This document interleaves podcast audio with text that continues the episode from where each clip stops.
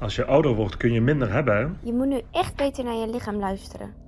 Anders gaat het straks echt Voor fout. een tweede keer in burn-out? Hé, kan dat nou?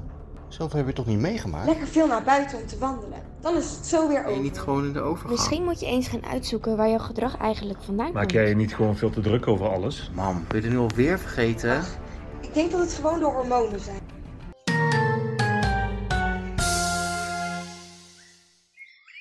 Ja, inderdaad. En nu weet ik het wel. Ik ga terug. Ik ga terug naar mijn verleden. Hopelijk helpt het. Een christelijke opvoeding in een notendop. Mijn basisschooltijd is nu voorbij. Ik pendel dan nog steeds regelmatig samen met mijn broertje van Friesland naar Duitsland. We konden heel vaak met mijn opa en oma meerijden, want die hadden in dezelfde tijd een klein houten huisje gehuurd in de bossen, vlak bij mijn vader omdat mijn vader toen nog moest werken, bleven we vaak bij mijn opa en oma in dat huisje. Het was daar heaven voor een kind zoals ik. En ik mocht regelmatig een vriendinnetje meenemen naar het huisje van mijn opa en oma.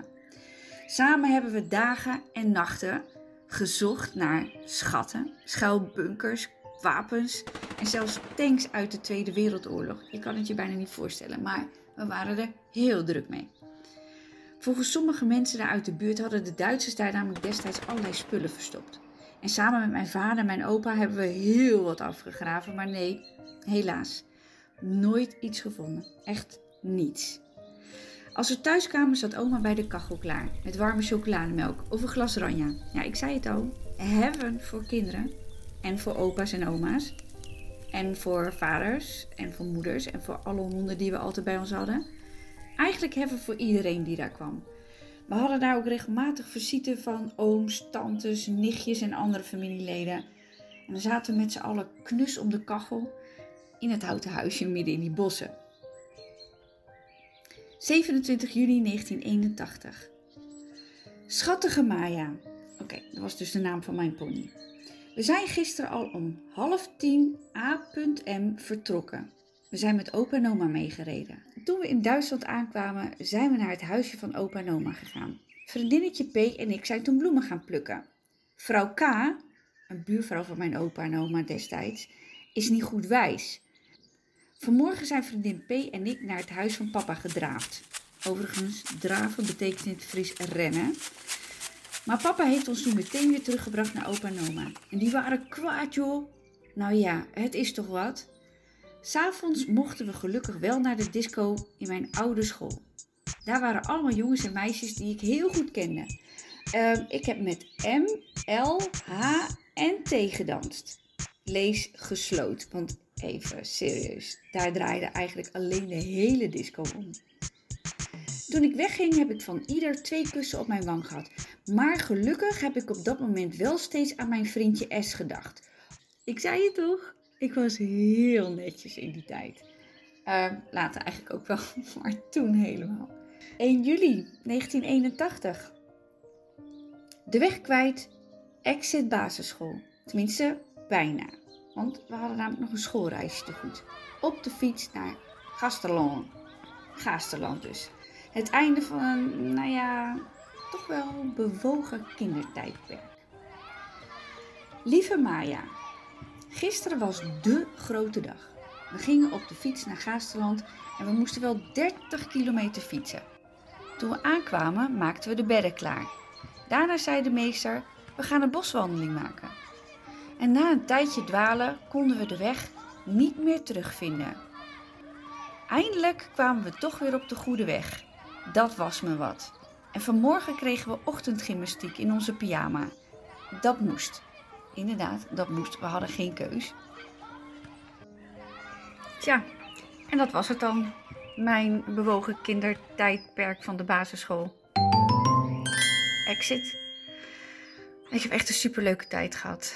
Ondanks dat ik als mm, Nederlands-Duits meisje in een Fries eh, dorpje kwam, ehm, was het me alleszins meegevallen. En heb ik er nog steeds hele mooie herinneringen aan. Ja, en toen hebben we vakantie gekregen. En na de vakantie was het eh oppa. Naar het voortgezet onderwijs. De openbare tegen de katholieken en de christelijke. In ons Friese dorpje kon je kiezen uit drie verschillende basisscholen: de openbare, de katholieke of de christelijke. Nou, dat was voor mij niet zo heel erg moeilijk, want mijn oma was gereformeerd. En aangezien mijn tante met haar gezin en mijn overgrootoma in datzelfde dorpje waren en ook gereformeerd waren, was het duidelijk dat ik vanaf dag 1 naar de christelijke zou gaan. Ja, niet dat ik hierin zelf veel keuze had, maar toch. Ja, bovendien was de christelijke school ook meteen de grootste. De katholieke en de openbare waren in mijn beleving een stuk kleiner. En eerlijk gezegd in mijn beleving ook een stukje minder belangrijk. Ik heb echt geen idee waar dit op slaat. Maar misschien had het te maken met onderstaande voetbalwedstrijd. In Duitsland zat ik op een openbare school. En nou, dat heeft mijn oma toch niet altijd lekker gezeten. En ze vroeg ook regelmatig of we daar nu eindelijk eens een keer aan bidden deden.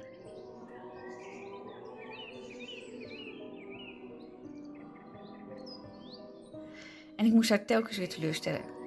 Nee, oma, ook deze week weer geen godsdienstles en ook deze week weer niet gebeden op school. Waarop ze stevast zei: Goddeloos dit, goddeloos. Dus oma was heel blij dat het nu eindelijk toch goed zou komen bij mij, nu ik op een christelijke school zat. En de meeste wedstrijden die in ons dorpje werden gehouden gingen tussen de katholieke, de openbare of de christelijke. Zo ook voetbalwedstrijden tussen deze drie scholen. Op 8 juli 1981 schrijf ik erover. Lieve Maya, ik heb vandaag een leuke dag gehad, want ik ben op mijn nieuwe school geweest. Meneer L van biologie is mijn mentor en ik zit in 1B. Na die tijd hebben we nog ijs gegeten bij het Bargje. Varkentje voor de niet-Friese onder ons. En om half zeven moest ik voetballen. Ze hadden mij wel twintig keer tegen mijn been geschopt, maar ik heb helemaal niks gezegd. En toen er echt niks aan de hand was, zat vriendinnetje S van de openbare te grienen. Overigens was het geen vriendinnetje, ik weet niet waarom ik dat heb neergezet. Maar goed, ze zat te grienen omdat ik de bal van haar had afgepakt. Stomme openbare. Morgen moeten de katholieken tegen de openbare. Nou, de meisjes dan, hè? Want de jongens hebben met 9-0 tegen de katholieken gespeeld. Goed, hè? En dan morgen moeten ze ook nog tegen de openbare. Maar daar winnen ze wel van. Onze school, de christelijke, heeft al een heleboel keer gewonnen. Maar dit is het eerste jaar dat de meisjes eindelijk mee mogen doen. Leuk hè? Overigens was het geloof, de kerkdiensten, de nevendiensten. Nevendienst is een soort BKO, een buitenkerkse opvang.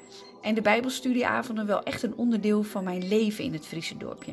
Nou, eigenlijk vond ik het wel leuk. Nou ja, ik vond vooral de jongens leuk.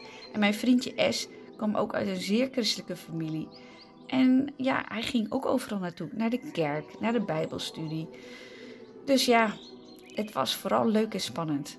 Maar goed, dat wist mijn oma natuurlijk niet.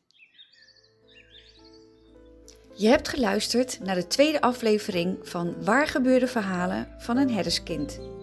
Dit is de podcast van min 0 naar 50 plus.